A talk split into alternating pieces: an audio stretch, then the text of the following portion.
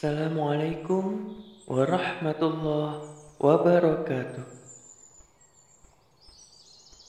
Kembali di Suwon Du Podcast melanjutkan seri 365 hari bersama Rasulullah Shallallahu Alaihi Wasallam. Hari ke-9 Rumah Halimah. Rumah Halimah berada di negeri Bani Sa'ad terletak di arah timur laut kota Mekah, tepatnya di lembah perbukitan selatan kota Taif. Akhir-akhir ini awan hujan tidak datang ke negeri Bani Sa'ad. Hujan sudah lama tidak turun. Karena hujan berarti kehidupan, semua orang pun selalu melihat ke langit berharap hujan akan turun. Kehidupan semua binatang bergantung pada air. Tanpa hujan, hewan-hewan menjadi kelaparan, lemah, dan tidak menghasilkan susu. Manusia juga memerlukan hujan untuk bisa makan daging dan minum susu. Hanya itu yang mereka punya. Dan tanpa hujan, mereka tidak mendapatkan apa-apa. Anak-anak kelaparan, wajah mereka pucat seperti tepung, putih.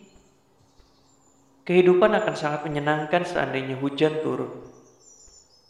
Kalau saja semua orang mendapat air, mereka akan kembali gembira. Hari-hari berlalu dengan harapan itu. Namun ada satu rumah yang terlihat berbeda, seolah rumah itu surga. Rumah itu rumah baru bayi Muhammad, rumah Halimah. Di rumah itu ada banyak kegembiraan dan kelimpahan yang tidak bisa dibandingkan dengan apa pun.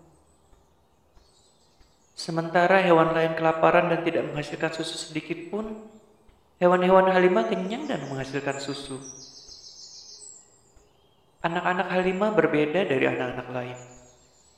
Sementara anak lain kelaparan dan terlihat pucat, anak-anak Halimah kenyang dan kuat.